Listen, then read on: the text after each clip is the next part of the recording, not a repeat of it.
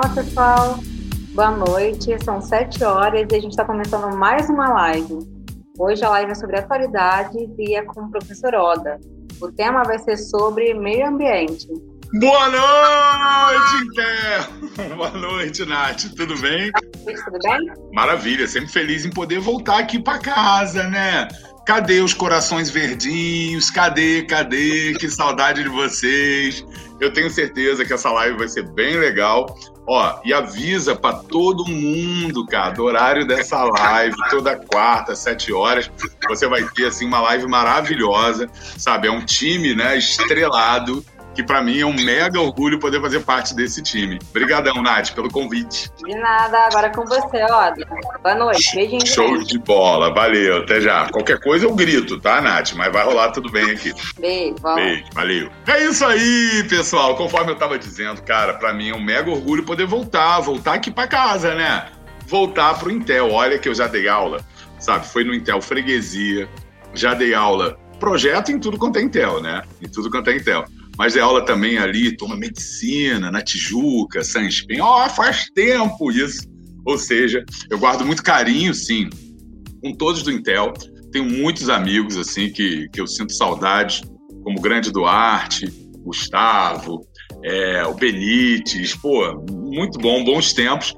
E tô voltando, né? O Bom Filho a Casa Torna, para fazer as quartas-feiras, né? Na verdade, uma vez por mês sou eu que tô aqui, para a gente falar de atualidades meio ambiente.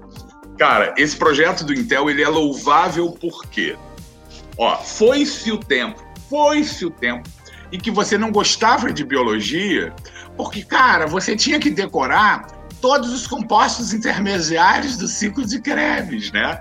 E aí, realmente, isso aí é de matar qualquer um. Agora, quando você pega as provas de vestibular mais recentes, né? Pega o, o, as provas do Enem mesmo, você vai ver ali muito conteúdo que às vezes aquele conteúdo não é um conteúdo formatado bonitinho, né? Seguindo ali aquele dia a dia de sala de aula. Por exemplo, no ano passado teve uma questão que cobrou um dos maiores impactos sobre a biodiversidade do mundo, do planeta, na verdade é o maior impacto, que é a destruição de hábitats e a fragmentação de hábitats. Já estou puxando a brasa para minha sardinha, para a sardinha do meio ambiente e pediam uma intervenção que pudesse promover a manutenção da biodiversidade em hábitats fragmentados. A resposta certa era a construção de corredores ecológicos, tá? ou corredores biológicos. E eu tenho certeza que muitos olharam assim, cara, mas eu nunca ouvi falar disso. É que muitas vezes, né, isso aí você vai aprender no NetGeo, é, você vai aprender no Animal Planet, você vai aprender nas revistas né, científicas e de popularização científica. E agora, você, aluno do Intelectus, vai aprender aqui nessa aula de atualidade. Então, hoje, a gente está aqui para fazer nosso primeiro encontro de meio ambiente, onde eu separei um tema, cara, que está sempre na mídia, um tema super importante, que é bioinvasão, tá? Eu não vou ser mal educado e vou dar boa noite aos alunos que já entraram por aí, ó. Lucas Rufino Bon, Alívia Leopoldo, Milena Félix, Mariana Fonseca, Vitor Lisboa, Guilherme Ribeiro, boa noite para vocês e boa noite para os outros que estão mais tímidos e que não comentaram ainda nada aí no YouTube, beleza? Então é isso, gente. Vamos trabalhar. Nath, pode soltar os slides, onde a gente vai falar sobre bio invasão. Beleza? Uou! Essa é a nossa atualidade de hoje de meio ambiente. Antes de eu começar, cara, se sinta completamente à vontade. Isso aqui é uma sala de aula, né? Então se sinta completamente à vontade de mandar seus comentários aí no chat, de mandar suas dúvidas, considerações, porque assim, quem vai me ajudar a construir uma aula bacana, né, uma aula completa para você, ó, aumentar a sua visão de mundo, criar repertório, vai que isso cai em redação, sabe, sabe-se lá, né? Quem vai me ajudar a fazer tudo isso, sem dúvida, são vocês. Então, qualquer coisa, pode mandar comentário, a galera tá dando boa noite aí, continua, mas pode mandar também nos comentários dúvidas sobre o que é bioinvasão. Por exemplo, você tem ideia do que, que o professor Oda vai falar aqui? Você tem alguma ideia do que, que seria essa bioinvasão? Olha, eu acho que talvez para muitos de vocês, bioinvasão seja isso aqui, ó. Cuidado! Sai da frente! Tem um monte de animal vindo aí! Estão invadindo, estão invadindo. Essa manada de gnus Me lembra até aquela manada de gnu que matou o Mufasa, lembra disso? Ai, que coisa triste, Oda. Não lembra do Mufasa, não, mas lembra da manada de gnu que acabou matando o pobre do Mufasa. Bioinvasão não tem nada a ver com isso. Tá? A bioinvasão não é uma manada de gnus correndo loucamente. Um monte de espécies animais chegando loucamente. Em parte, podem ser sim animais, plantas, né? Podem ser espécies das mais diversas, tudo bem? Só que são espécies que chegam em um novo local, chegam em um novo ambiente onde antes elas não ocorriam, beleza? Então, olha aí o que é o conceito de bioinvasão. Muitos slides, assim, que tem muita coisa para ler, eu vou deixar até você ler, não vou ler tudo bonitinho, tá? Mas conforme o Oda explicou para vocês, é, geralmente a bioinvasão, né, ela é mediada pela atividade humana, mas ela pode ser natural também, como já já a gente vai ver ali embaixo, e se caracteriza como um dos graves problemas ambientais da atualidade. Então, ela é definida como, gente, ó, é o ato de um ou mais organismos invadirem se estabelecerem em ambientes onde não havia registros anteriores para espécie. Tá? Então, quando uma espécie nova chega em um dado local, aquilo é uma bioinvasão. E essa bioinvasão ela pode ser natural, completamente natural. Né? O organismo se dispersou e acabou chegando em um novo ambiente, chegando em um novo ecossistema. Quando ela é natural, a gente chama de expansão, beleza? E quando é o homem, com seu dedo podre, né? Dedo podre, que vai lá e tei, leva o organismo para onde ele não ocorria antes, cara, isso é uma introdução e é lógico, tá, gente, que isso pode ser intencional ou não. A gente vai discutir aqui alguns casos de invasão, tanto no Brasil quanto no mundo, tá, que pode ser intencional ou não. Isso pode gerar uma série de impactos nos ecossistemas que também serão discutidos aqui. Odinho, esse troço deve ser novo, né? Eu nunca ouvi falar assim do termo bioinvasão. Tu acha que é novo? Tu acha que é normal ter pombo no Rio de Janeiro? Ih, olha, pô, é, às vezes a gente tem que controlar o mosquito, né? Porque senão a gente aumenta muito o risco de pegar dengue, zika, chikungunya, febre amarela, febre maiaro. Todas essas doenças são transmitidas por um mosquito, que você sabe muito bem qual é. Todas essas doenças elas são transmitidas pelo Aedes aegypti, Aedes aegypti, beleza? E adivinha, adivinha de onde vem o Aedes aegypti? Ah, ele vem do Egito, ele vem da África, né? Então acredita-se que os primeiros Aedes aegypti já tenham chegado aqui no Brasil em navios negreiros até, tá? E que colonizaram aqui, foram introduzidos, né, pelo homem, não de uma forma intencional, mas foram introduzidos e assim essas doenças acabaram chegando aqui no Brasil e na América do Sul. Né? Então, são vários os exemplos. Você pode pensar assim no pombinho. Eu, eu vim aqui correndo, que eu estava regando as plantas aqui da minha casa. E aí, se eu for pensar nas plantas da minha casa, tem uma, um montão. Eu falar porrada, não pode, né? Intelecto, foi mal. Tem um montão de espécies de planta aqui que, que é invasora. Tem uma aqui, que aqui o pessoal de casa chama carinhosamente de demônio. É, é uma planta chamada aranto, que ela, ela dá mudinhas nas folhas. Você tira essas mudinhas das folhas, bota nos vasos, e ela se multiplica pra caramba. O aranto veio da Ásia. Na floresta da Tijuca tem uma planta que muita gente às vezes tem em casa também, que é pau d'água. O pau d'água também veio da Ásia, invasora da floresta da Tijuca. Maria sem vergonha, sabe? Dá uma florzinha bonita. Normalmente você, quando pega, é, por exemplo, o Alto da Boa Vista, vê essas, essas florezinhas ali do lado, ela veio da Tanzânia, é originária da Tanzânia. Então isso é para mostrar que, infelizmente, a bioinvasão ela é um, um, problema muito comum, talvez passe desapercebido aos olhos de, de, muita gente, né? E que isso, obviamente, gera impacto nos ecossistemas. Gostei do comentário da Mariana, e, e, e esse exemplo eu trouxe aqui nos meus slides. Mariana Fonseca. Muito bem. É como o caso da lesma introduzida no Brasil para comida, que virou uma praga. Sim. Então, nesse caso, tá, a gente vai ver que é um caramujo, né?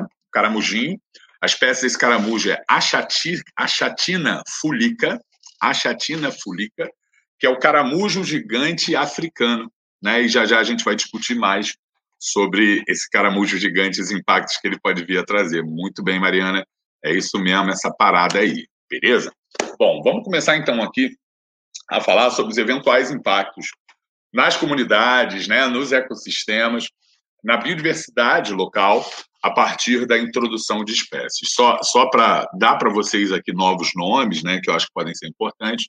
Quando a gente fala né, que uma espécie ela não é nativa de um dado local, a gente pode chamar essa espécie de espécie exótica, né? Então ela é exótica, ela veio de um outro local e se estabeleceu ali. E há até quem use o termo espécie alienígena. Alienígena não veio de Marte, não veio de Vênus, Plutão, ela veio de algum outro ecossistema e conseguiu se estabelecer naquele local, beleza? Então, olha que importante, o impacto gerado pela introdução de espécies invasoras é tão relevante que esse processo está sendo considerado a segunda maior ameaça à perda da biodiversidade, estando atrás somente da destruição de hábitat, tá? Que seria, por exemplo, é, você desmatar, né? Você, por exemplo, destruir um recife de coral, aí é uma destruição direta de hábitat. E o segundo maior impacto à biodiversidade, ameaça, a perda de biodiversidade, pode ser considerada a introdução de espécies, a bioinvasão, afetando diretamente as comunidades biológicas e a economia. Agora, por que, que essas espécies invasoras, né, elas podem se tornar praga? Ou quais são aí, assim, algumas premissas para que essa espécie invasora ela se torne uma praga? Quero ver se alguém escreve alguma coisa aí. O que, que você acha? Então, Mariana Fonseca, você falou do caramujo, né? No, no, caso do caramujo africano, por que será né, que ele se, ele se, tornou uma praga aqui no Brasil? Quais são aí as premissas para uma espécie gerar impactos dessa forma né, e se transformar em uma praga? Enquanto vocês vão pensando, e vocês vão escrever aí, eu gosto muito que você entenda o conceito de praga. O que, que é uma praga? Praga é uma espécie que prolifera excessivamente. Aquela população daquela espécie prolifera excessivamente e gera impactos no meio ambiente local. Beleza? Então, quando você tem uma proliferação excessiva de uma dada espécie, ela se torna uma praga porque ela vai gerar um impacto. Pamen, o principal exemplo de praga é o homem. né? Nós somos uma praga. É uma espécie que está multiplicando tanto, tanto, tanto, tanto, que está ferrando com a Amazônia, com o Pantanal, está ferrando com tudo quanto é ecossistema. Agora, uma espécie, para se tornar uma praga, eu concordo, Mariana, ela afeta a cadeia alimentar da região. Só que aqui eu estou perguntando meio que causas, entendeu? Quando você fala que ela afeta a cadeia alimentar, quando fala que afeta o nicho econômico, tudo isso está certo, Mariana. Mas você está falando mais de consequências, entendeu? Tenta estabelecer a diferença de causa e consequência. Tá? A Lívia Leopoldo, ó, aí ela chegou num ponto importante, Lívia. Porque, assim, consequência, já já a gente fala, mas a causa para ela se tornar uma praga, a Lívia Leopoldo foi num ponto importante, que é a ausência de predadores. Então, muitas vezes, uma praga, ela não tem inimigos naturais no local, né? Então, um, uma das causas para uma espécie se transformar em uma praga é que ela não tenha predadores naquele local, beleza? Uma outra causa, né, para ela virar uma praga, é que ela tem um potencial reprodutivo muito grande. Normalmente, as espécies que a gente vai discutir aqui, você vai ver em vários exemplos, são espécies que reproduzem muito, entendeu? E como elas reproduzem tanto, tanto, tanto, tanto, elas se juntam, sabe? Excesso de recurso, de alimento para ela. Você junta falta de predador, falta de inimigo, parasitas, inimigos naturais. E uma capacidade reprodutiva bombástica, putz, ela pode se transformar em uma praga, sim. E aí, Mari, as consequências são essas que você colocou, né? Que ela pode, por exemplo, levar à extinção uma ou algumas espécies de presa das quais ela se alimente. Ela pode levar à extinção eventuais competidores que ela tem ali. Né? Ela pode estar competindo e ser superior competitivamente a outras espécies que vivem naquele local. Muitas vezes essas espécies, ao chegarem, elas podem trazer doenças também. Elas podem trazer novas doenças, novos patógenos. Isso aí, Guilherme Ribeiro. Se ela não tivesse predadores, é isso, isso aí é uma, uma premissa bacana. Para não ter predador, então vamos lá, hein? sendo pragmático, né? Vocês sabem que o é professor de pré-vestibular mesmo, né? Então, pensando em vestibular, pensando em Enem, falta de predador, reprodução excessiva e muito alimento disponível, beleza? E aí, consequência, gente, alteração da cadeia alimentar, extinção das presas, né? Das quais a espécie introduzida se alimente, extinção de espécies que competem com ela por um dado recurso, é o que a gente chama em ecologia de princípio de Gauss ou princípio da exclusão competitiva, tá? quando, através da competição, uma espécie leva à extinção uma outra espécie. Então, via competição, ela pode levar à extinção outras espécies, ela pode introduzir novas doenças, né? novos patógenos. Isso pode ser ruim para as espécies naturais ou para o homem.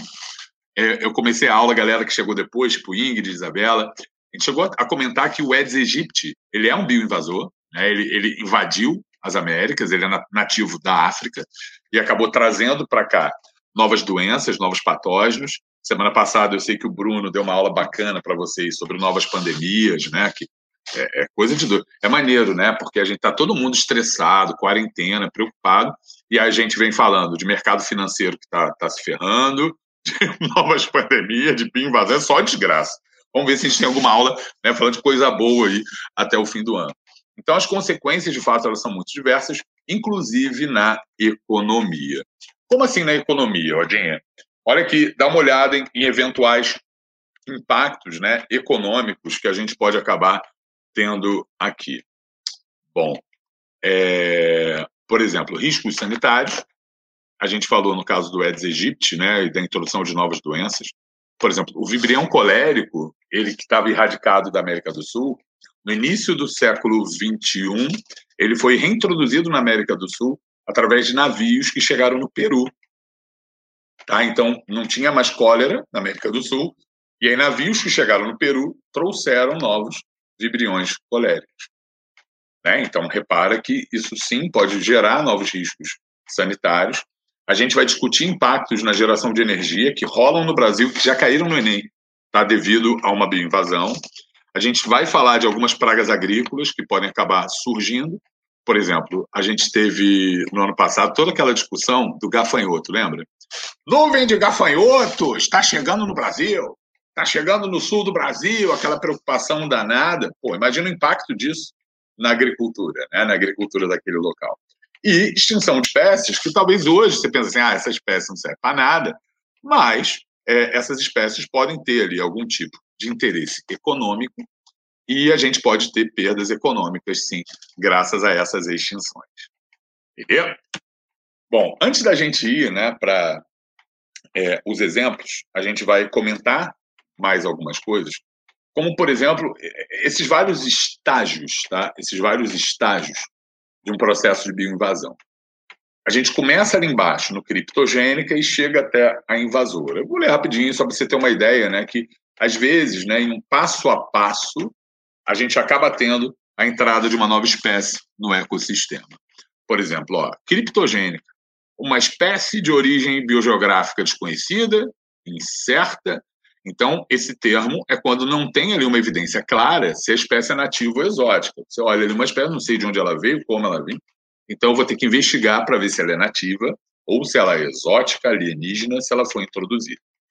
Espécie contida, ó. Espécie exótica detectada apenas em ambientes artificiais controlados, isolados, ou, ou parcialmente do ambiente natural, como um aquário comercial, cultivo para fins científicos, tanque de água de lastro navio e etc. Por exemplo, você vai no Aquarrio, você vai ver ali no Aquarrio uma série de espécies que vêm dos mares da Ásia, dos mares da África. Você tem lá espaços, né? Espaços com espécies que vêm, sim, de outros continentes. Aí, olha, tenho que me preocupar? Sim, tem, tem que se preocupar para essa espécie ali do Aquarrio, ela não vazar dali e parar na Baía de Guanabara. É o tipo de coisa dificilmente ela vai sobreviver na Baía de Guanabara. Mas, de qualquer forma, existe essa possibilidade. Então, saber que a espécie, sim, ela é exótica, mas está contida, é importante. Detectada, ó, espécie exótica detectada no ambiente natural, porém sem aumento posterior na abundância.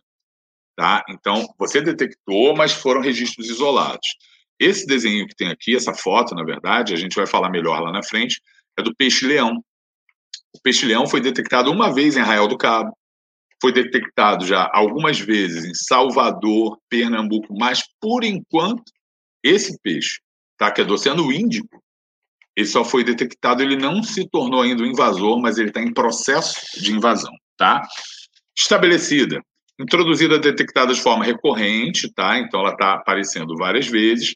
E aí, quando chega na invasora, meu irmão, aí já era que é a espécie estabelecida que possui abundância de dispersão geográfica que interfere na capacidade de sobrevivência de outras espécies, ou seja, ela já está gerando ali o impacto ambiental, o impacto naquela comunidade, o impacto naquele ecossistema.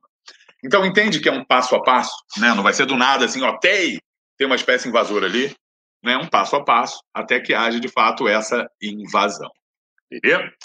Bom, você viu que todas as imagens da figura anterior, né, são imagens de figuras de espécies aquáticas. Então, fica aqui uma pergunta interessante. Por que, que a maior parte dos registros de bioinvasão ocorre em ambiente aquático? Se você for procurar agora, assim, bioinvasão, achei maneiro, Oda, deixa eu pesquisar mais sobre o assunto, você vai ver que a grande parte dos exemplos são exemplos com espécies aquáticas. Podinho, essa bioinvasão, então, ela é mais comum na água do que na terra? E vou te falar que não é de hoje, não. Essa bioinvasão ela é mais comum na água do que na terra, isso tem, ó, mais de 500 anos. Ué, por que isso? Olha, tá aí a resposta. Os oceanos, eles se comunicam, entendeu, gente? Eles se comunicam. E aí, como os oceanos se comunicam, imagina essas rotas comerciais que rolam aqui. Ó, ó que esse mapa, né, é um mapa do século XV, XVI. Aí você vai ter Pedro Álvaro Cabral, Colombo, Pinzon, Cortês, Vasco da Gama, a Série B, mas deixa para lá. É, então, observa que você tem aí já rotas comerciais desde o século XVI. Né? E hoje essas rotas, elas são rotas que ocorrem de forma muito mais clara, muito mais clara, né, com uma recorrência muito maior, que podem levar, sim, espécies de um lado para o outro. Quer seja na água de lastro, já já eu falo melhor que água de lastro, quer seja em plataformas de petróleo. Às vezes, as plataformas de petróleo que a Petrobras ela, ela tem aqui operando no Brasil, às vezes elas foram construídas na China, entendeu? Foram construídas na China. E aí, nesse transporte, a gente pode acabar tendo, sim, a chegada de espécies invasoras mediante ação humana. A Mariana Fonseca mandou super bem também, super bem aqui. O derretimento das calotas. As espécies tendem a migrar. Sim, tá? Agora, Mari, só pensa que quando a gente está pensando, está falando aqui né, de migração, a gente está falando de expansão, né? Então não é o homem que está carregando. Aqui nessa aula eu vou falar muito mais das introduções de origem humana, tá? De origem antrópica. Mas um, um caso que já foi até questão na Unicamp, Mário, é como que o aquecimento global, o superaquecimento global, né, o agravamento do efeito estufa, pode aumentar a área de ocorrência das chamadas doenças tropicais, como dengue, zika, chikungunya, febre amarela, febre maiara. Porque você sabe que essas doenças, né?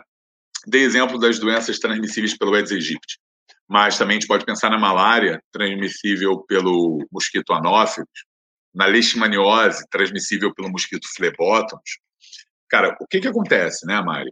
O mosquito, ele depende de alta temperatura para conseguir manter o seu metabolismo elevado. Por isso que normalmente essas doenças, elas só ocorrem no ambiente tropical.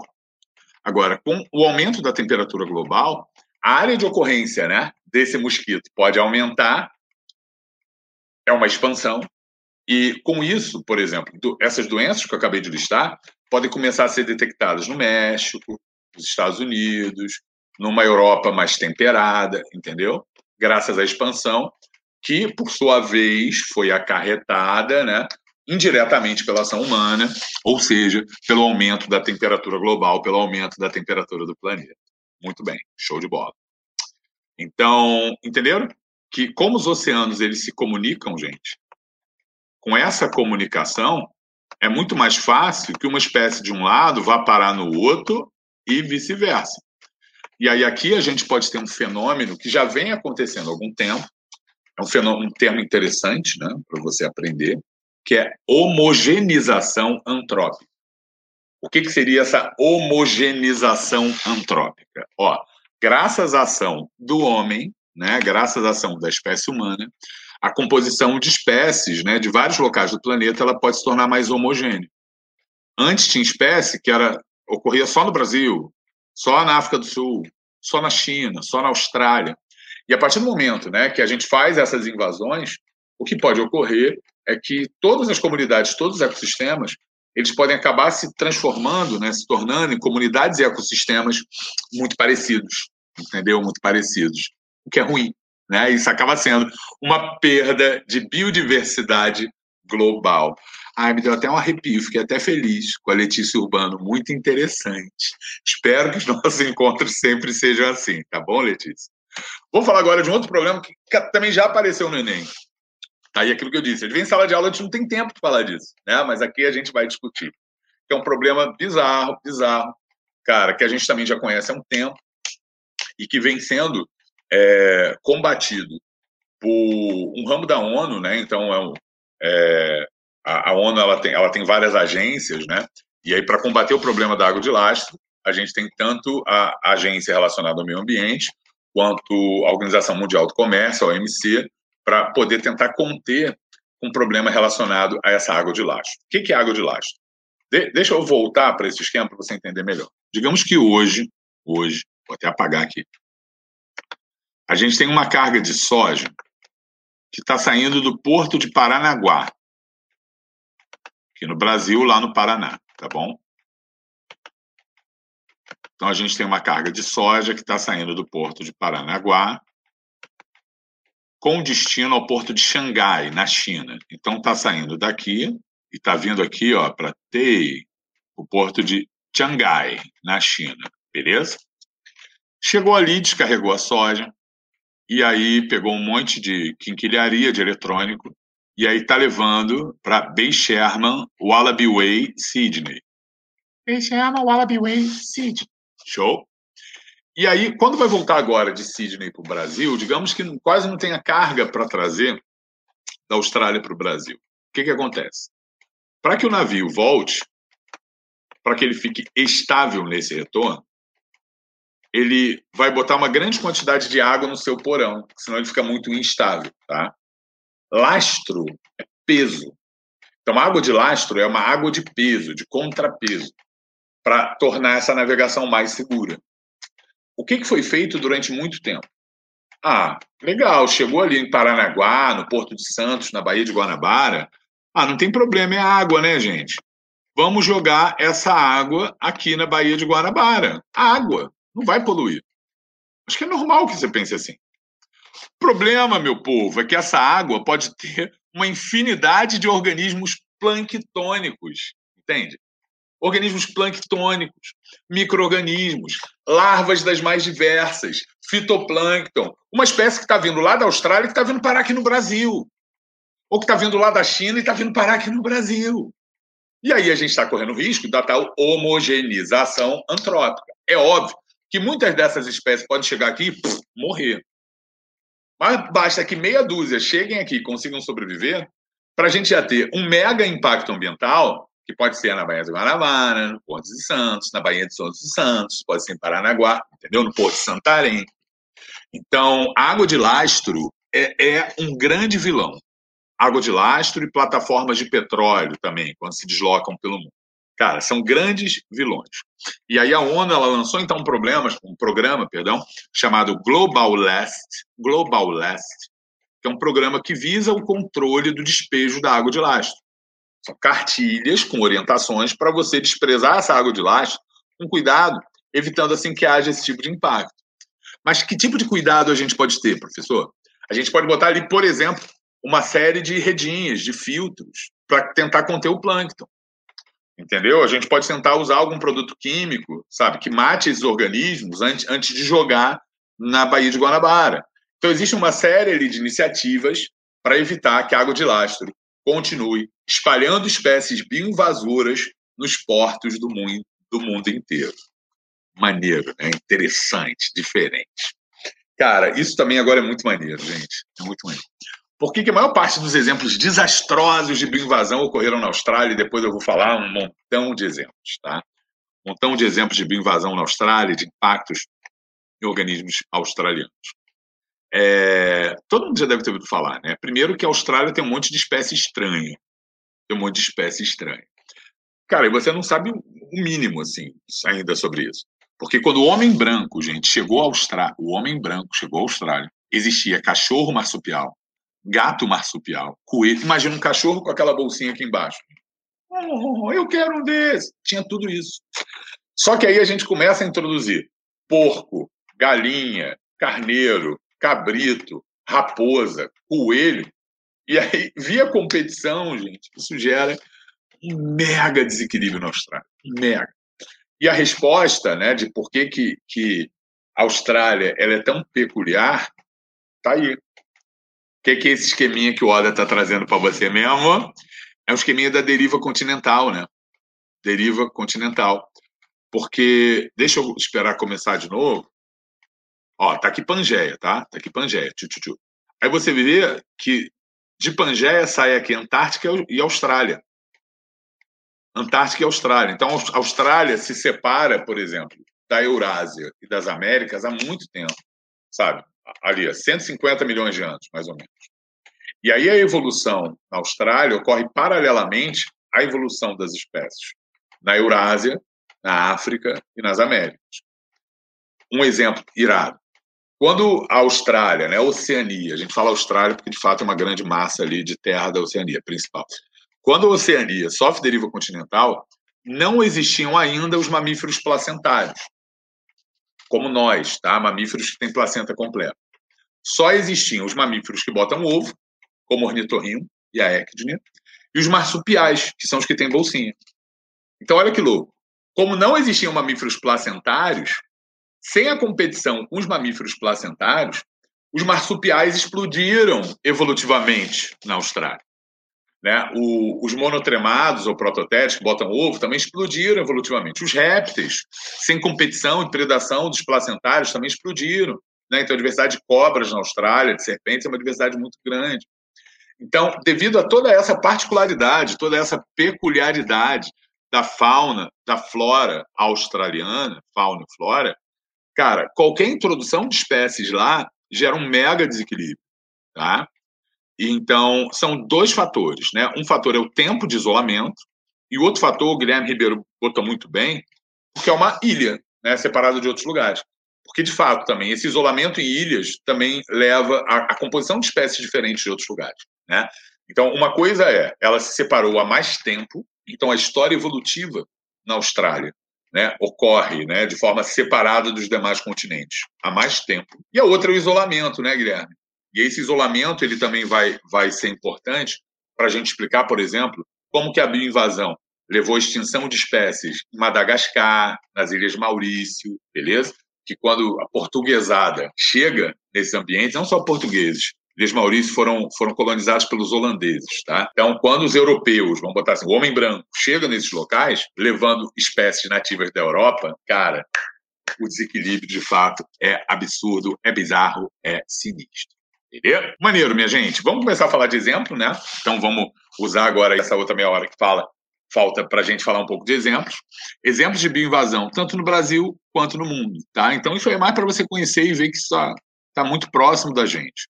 E todos esses exemplos que a gente vai falar, cara, são exemplos muito importantes que, ó, tem cheiro de Enem. Cara, o caso das abelhas africanas é um caso clássico, você pode ir lendo aí, e lendo. O cara que introduziu abelha africana no Brasil, ele foi por muito tempo presidente da Sociedade Brasileira de Genética.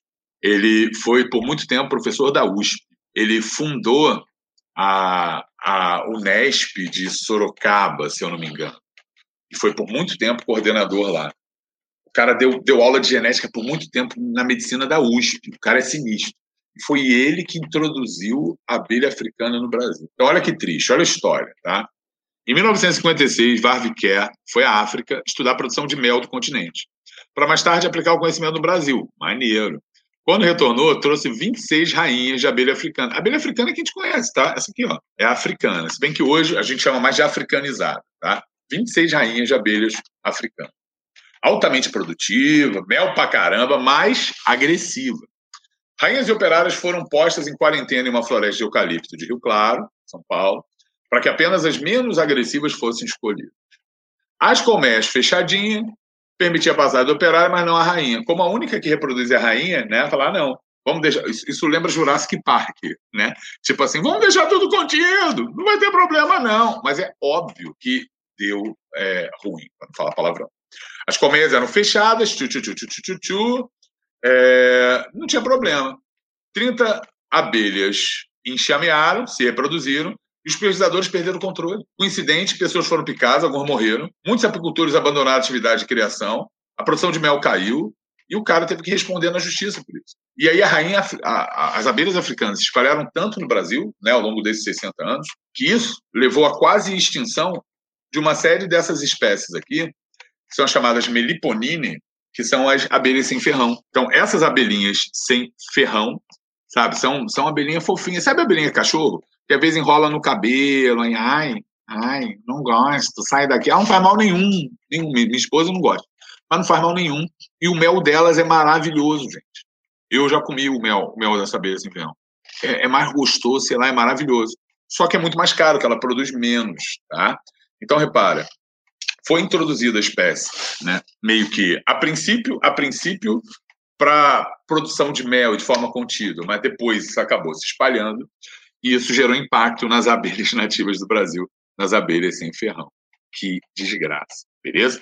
Depois disso, eles fizeram seleção é, cruzando essas abelhas africanas com as abelhas europeias e eles chamaram de abelhas africanizadas. Então, hoje, o que a gente tem por aí produzindo mel não é bem abelha africana, tá? Uma, é, apis linguística. É a, é a abelha africanizada, que é um pouco menos agressiva do que a africana original, beleza? Gente, não vou ler tudo, né? Porque senão fica chato eu ficando lendo direto. Mas, ó, o javali, ele é um problema. Caiu na FUVEST tem uns dois anos, porque é um problema na agricultura de São Paulo. Então, é um problema na agricultura de São Paulo, é um problema na agricultura do sul do Brasil, porque o javali, ele já foi introduzido no Brasil há muito tempo. Só que os problemas maiores vêm crescendo. Ao ponto, olha só, em janeiro de 2013 foi feita uma instrução normativa do IBAMA que permite a caça do javali, porque a caça é proibida no Brasil, tá? Mas, cara, o javali ele, ele reproduz tanto, tanto, tanto, tanto que a caça do javali ela acabou sendo permitida graças a essa instrução normativa. É uma espécie exótica, chegou ao Brasil para criação, né, para consumo de carne, para piorar, gente, o javali ele cruzou com o porco doméstico e, e, gerou ali uma espécie híbrida, mas que é fértil, que é chamada de javapor. Eu procurei alguns vídeos para mostrar para vocês aqui de javapor. É, achei. Se você tiver curiosidade, bota, sabe, no YouTube, manada de javaporco, manada de javali. É porque esses vídeos normalmente mostram o pessoal caçando, sabe, matando bicho e, pô, não achei tão legal de mostrar aqui para vocês. Mas, cara, são manadas imensas, cara, com dezenas, quase centenas de javalis. Imagina, invadindo uma plantação de milho. Então, ali a perda econômica é uma perda muito grande, ao ponto da gente permitir a caça desses bichos, né, a caça desses animais, visando o seu controle. E vou dizer que alguns deles são bem cevados. Dá uma olhada no tamanho desse javali. Olha que bizarro. Olhada no tamanho desse. né? É um troço absurdo, cara. É um troço absurdo. E que imagina uma manada desse bicho invadindo uma plantação. Os proprietários ficam loucos. Né? É, é lógico que vale a pena até aqui comentar que a caça é só uma das alternativas né, de controle. A castração seria algo, digamos que, mais humano, né? Porque se a gente está falando também, pô, de sair matando esses bichos, o bicho não tem culpa, né, de estar aqui. Foi trazido, não tem predador, multiplica pra caramba, o bicho não tem culpa. Mas a castração seria uma forma, até para dar um exemplo, tá, de controle de espécies. Não sei se você já ouviu falar, mas a Itália estava com um grave problema de proliferação excessiva de pombos, né? Se você já foi a Roma, se você já foi a Veneza, a Florença, você sabe que de vez em quando vem aquele, ah, aquele bando de pombo, e, e o pombo pode, de fato, né, nos transmitir várias doenças, né? Tem toxoplasmose, tem pneumonia causada por fungos que podem estar associados a, pombo, a pombo tem piolho de, de pombo, tem um, essa pneumonia criptococose. É, então, observa que existe uma série de doenças que pode trazer. Cara, o que a gente vai fazer com o pombo? A gente pode sair matando o pombo, né, pegar uma metralhadora e matar um montão de pombo. E a alternativa que os italianos encontraram foi colocar anticoncepcional nas fontes então, sabe, todo mundo vai a Roma, ah, eu quero ir na Fontana de Treve, é linda, né? Aquela fonte branca. Todo mundo já foi a Roma, tem foto na Fontana de Treve, joga moedinha na Fontana de Treve. E essas águas, elas hoje são abastecidas com anticoncepcional para que dessa forma consiga se reduzir a população de pombos, tá bom? Boa, ó, tô vendo aqui Mariana Fonseca que ele é uma das 100 piores espécies introduzidas. Qual é a primeira espécie introduzida? Então, é, Mari, eu acho que nesse caso, né, a gente não vai considerar a espécie humana como uma espécie introduzida, não, embora para mim faça até sentido.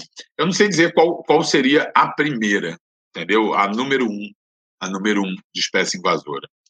Eu chutaria aqui que, em relação a, a impactos ambientais e a saúde humana, eu falaria de rato, sabia? É, rato tem origem na Europa, né, e com grande navegação vai indo para tudo quanto é lugar. Né, eu pensaria mais em espécies assim, tá? Que, que também geram problemas à saúde pública, como rato, como pombo, como uma série de espécies de mosquito, tá bom? Então, você tem aí uma série de espécies que podem gerar impactos assim. Entendeu? Boa. Tá aí o caramujo africano, né? A historinha também é, é bizarra. Sabe? É aquela coisa assim, vai dar nana, vai dar, vai dar nana, vai dar nana, vai dar nana, vai dar nana, vai. Olha a história, gente, do maldito do caramujo africano, caramujo gigante africano. Como já tinha dito para vocês, é o Achatina fulica, que foi introduzido inicialmente no Paraná na década de 80, gente. 80, tem 40 anos só. Só 40 anos. Na década de 80, ele foi introduzido como alternativa econômica ao escargot, numa feira agropecuária. Pô, maravilha! Maravilha, vamos criar caramujo africano, vamos vender como escargot, todo mundo vai comer caramujo africano e vai ficar feliz. Eles só não se tocaram, primeiro, você pode ler, que o gosto dele é diferente e é mais duro que o escargot. E segundo, que a gente não come essa jossa. Gente. Você já comeu escargot? Já comeu caramujo? Tá aí uma, da, uma das coisas que eu não comi ainda, nunca comi. E tive opção, tive oportunidade de comer. Já fui à Tailândia, tá? já fui à Tailândia, Taiwan, China, Singapura, Indonésia. Né? E lá, às vezes, eles vendem na rua um monte desses caramujinhos para comer assim caramujinho, mas nunca comi caramujo. Então, não, é, não faz parte da nossa dieta. Então, como os caras trouxeram? Troço reproduziu. Não estava ganhando dinheiro. Ninguém queria comer. Não vendia. Vamos fazer o quê? Ah, Vamos soltar por aí. Tem aqui uma segunda introdução na década de 90, Porto de Santos. Ah, vamos, vamos aprender a criar, vamos dar curso para criar, comercializar. Não deu certo. Vamos fazer o quê? Vamos soltar por aí. Qual o problema, gente? O problema é que ele não tem predador aqui no Brasil, gente. Não tem predador. Então, tenho certeza que quem mora em casa, tem casa de praia, minha, minha mãe mora em Maricá. A casa da minha mãe, volta e me aparece esse troço, cara. Já chegou aqui, já chegou em tudo quanto é lugar não tem predador. Eu lembro do meu avô, meu avô já faleceu, meu avô ficava pegando esses caramujos, jogava sarro, entendeu? Cuidado, pode passar doença. E de fato, se você pesquisar, você vai ver que esse caramujo, ele pode transmitir um tipo de meningite, cara. Um tipo de meningite. Olha que louco. Então, cara, surgiu, multiplicou, proliferou, ainda pode passar meningite. E a gente vai fazer o quê? Tem que tentar controlar, né? Tem que tentar controlar de alguma forma, e aí, nesse caso, eu acho que só mesmo é, tentando matar de forma direta ou buscar algum veneno, algum moluicicida que mate esse caramujo. O problema é que, pô, a gente não pode sair espalhando moluicicida, né, que mate molusco, pelas florestas do Brasil, senão a gente acaba matando também as espécies nativas, tá bom? Muita gente aí revoltada, deve ser horrível, não sei. Vou falar para vocês que eu já comi salada de água viva. Já comi salada de água viva. E tem gosto de mar, entendeu? Tem gosto de mar. Já comi grilinho também, assim, lá na Tailândia. E aí tem um gosto de camarão, forçando um pouquinho a barra. Já comi também na África lagartas sequinhas, assim, e parecem uns cheetos, mas amargando no final. É, acho que a gente tem que experimentar. Bom, mais casos no Brasil, gente. Esse caso eu achei muito interessante, porque assim, eu estava eu tava procurando para poder apresentar para vocês, e aí eu me deparei com esse artigo científico aqui esse artigo científico aqui de baixo, que eu aprendi. Né? O professor vive aprendendo também ao estudar para preparar uma aula. Porque o mexilhão, esse eu gosto bastante, tá? Hum, vinagretezinho de mexilhão, uma muquequinha com mexilhão, hum, tá me dando fome, tá? O mexilhão, ele tem a sua distribuição ó, aqui na África e no litoral do Brasil e aqui na América Central, né? Mais próximo aqui na região norte da América do Sul. É um mexilhão perna-perna. O mexilhão mais comum. Então, você, se você for dar uma gugada, você vai achar muita gente dizendo que o mexilhão ele foi introduzido aqui no Brasil com tráfico de escravos, que até faz sentido, né? São áreas que de fato receberam escravos. Ó. Então, que há 500 anos, 400 anos, tráfico de escravos trouxe de fato é, um mexilhão perna a perna, por acaso, né, incrustado, imagina, na caravela, podia ter um mexilhão e o mexilhão acabou se estabelecendo aqui. Agora, esse artigo que eu encontrei, olha que interessante, gente, olha, olha como o trabalho do biólogo pode ser maneiro. O que, que os caras fizeram? Eles pegaram amostras de mexilhão do Brasil, amostras de mexilhão da África e fizeram uma comparação do DNA desses mexilhões. E viram tá, que o relógio molecular, assim, de, de acúmulo de mutações, tá, que dá para você estimar, sabe, de quando houve a divergência dessas espécies, mostra que os mexilhões das Américas com os mexilhões da África, é, eles tiveram essa separação evolutiva há cerca de 200 mil anos. E aí, como foi há 200 mil anos, pô, não deve ter sido o homem que trouxe para cá. Foi um Viking. Não, pô, Viking também 200 mil anos, falei uma, uma muito grande. Mas tá bom. Mas não foi assim, o homem que trouxe para cá. Então, quem trouxe para cá? Aparentemente é um caso de expansão. As larvas dele conseguiram vir por correntes se estabeleceram aqui. E uma outra evidência que reforça que o mexilhão, então, ele já pode ser considerado nativo do Brasil, é que quando você analisa restos tá, de comunidades nômades aqui no Brasil, chamado sambaquis. Tá? O que, que é um sambaqui? Você tem conchas, você tem restos de fogueira, ossos, tá? de, de populações né? que viveram aqui no Brasil. Há em sambaquis costeiros a presença de concha de mexilhão. O que significa que talvez há 10 mil anos atrás, há 5 mil anos atrás, já houvesse o mexilhão aqui, ou seja, ele não veio trazido pelo homem, ele deve ter chegado aqui de forma natural. Deve ter ocorrido uma expansão. Muito maneiro, né? Cara, o caso da vassoura de bruxa também é um caso emblemático. O que é a vassoura de bruxa? A vassoura de bruxa é uma das principais é, pragas que atacam o cacau brasileiro. E já deve ter ouvido falar, mas repara, é uma praga recente, porque em 1989 ela surgiu no cacaueiro da Bahia, um fungo, e olha só, reduziu a produção baiana em 60%. Provocou a falência de quase 30 mil fazendas, milhares de pessoas desempregadas. E esse fungo é um fungo da Amazônia, cara. Da Amazônia. E aí você pergunta, cara, mas como é que esse fungo da Amazônia chegou na Mata Atlântica baiana? Olha que interessante. Se você quiser saber mais, você vai procurar.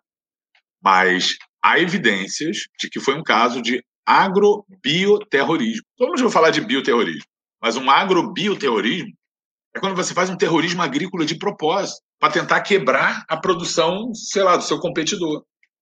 Nesse caso, sabe, os indícios são ainda piores, gente, são ainda mais bizarros. Os indícios levam a crer que essa introdução da praga ela teve conotação política, porque todo mundo já ouviu falar, né, como que os barões do, cacau, do cacau no sul da Bahia é, eram coronéis, né, faziam um voto de cabresto, e aí, como uma forma meio que vingativa para tentar gerar perdas econômicas nos barões de cacau, alguns políticos da região que eram contra os barões do cacau fizeram a introdução da vassoura de bruxa. Então, há evidências que apontam para isso. E aí, essa brincadeira, esse agrobioterrorismo, já, já gerou prejuízo de mais de 10 bilhões de reais no Brasil. E aí, o Brasil, que era exportador de cacau, Hoje tem que importar cacau para fazer chocolate, Páscoa está chegando.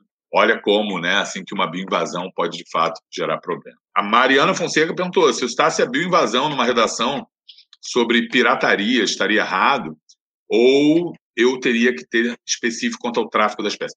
Então, no caso da, da biopirataria, né, Mariana, eu colocaria que a bioinvasão pode ser uma consequência, entendeu? Uma consequência da biopirataria. Não é a mesma coisa, por exemplo. Se eu pego a Blue, a arara azul, aqui no Brasil, e levo essa arara azul para morar na Alemanha, isso é uma biopirataria. Mas não é necessariamente uma, uma bioinvasão, porque ela, a princípio, vai estar contida, né? vai estar nos criadores de arara azul.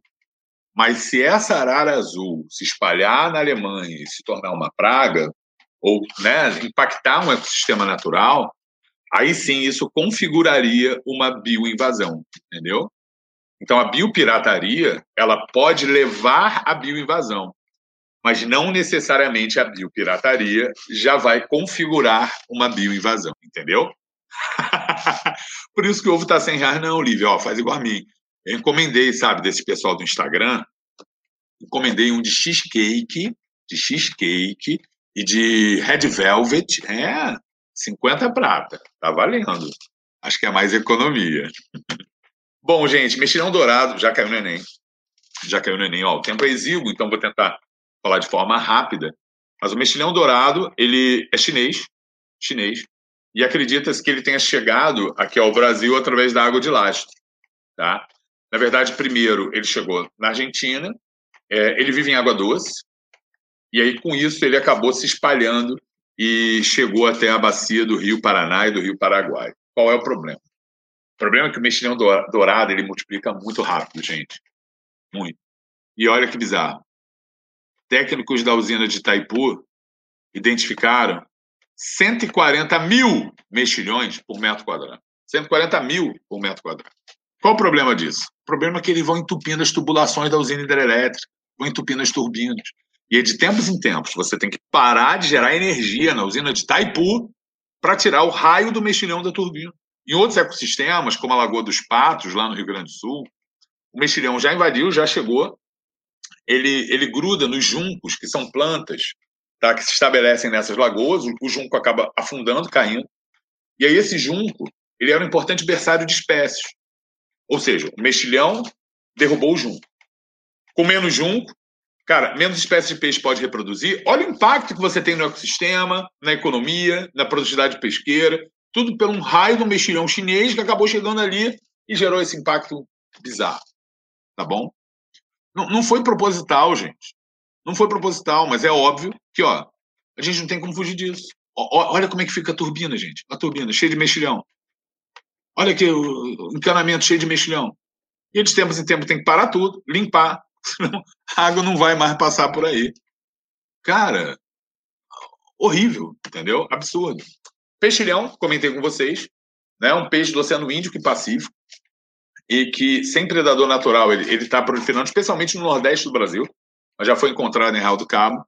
Cara, olha que doido. Acredita-se que ele tenha chegado aqui hum, por é, aquariofilista, criador de peixe, quem tinha aquário de água doce. Tinha um peixe-leão lá no, no aquário, o peixe-leão atacou os outros peixinhos, matou, ele ficou com raiva. O que que fez? Soltou na praia de Copacabana. Soltou na praia de Salvador. E aí é óbvio, né, que vai que é uma fêmea com ovos. Acabou, né, gente? Se não tem predador, isso pode gerar um mega impacto. E aí, para dar um exemplo, ó, peixe-leão, espécie considerada invasora, é capturada em Fernando de Noronha. Já foi capturada até em Noronha. Isso é de 28 de 12 de 2020. Então, isso é para mostrar que essa aula é de atualidade. O Odinha não está falando aqui com vocês só de coisa velha, não. Tá? Que, que louco, né? É, Coral Sol, uma amiga minha, ela trabalha no Instituto Coral Sol, qualquer coisa você, você pode procurar. É, então, acredita-se que ele tenha chegado aqui, sim, através de água de lastro ou através de plataformas de petróleo. Observa que é um coral bonito, sim. É um coral lindo. Só que é um coral ó, que pode produzir mais de mil larvas por dia. Mais de mil larvas por dia. E aí imagina que ele ocupando o costão rochoso aqui do Rio de Janeiro, São Paulo, ele vai competir com outras espécies nativas, impedindo essas outras espécies de se estabelecerem. Né? Então, é, é, é nesse nível que a gente está. Falta pouco tempo, deixa eu passar rápido por alguns exemplos no mundo. Esse exemplo também é incrível. Olha, gente, olha, capacidade do homem. 1859, século XIX ainda. Thomas Austin, um latifundiário de Victoria, para. Eu quero caçar. Então, para caçar, eu vou importar 24 coelhos. Importou 24 coelhos. Começou, o coelho começou a reproduzir.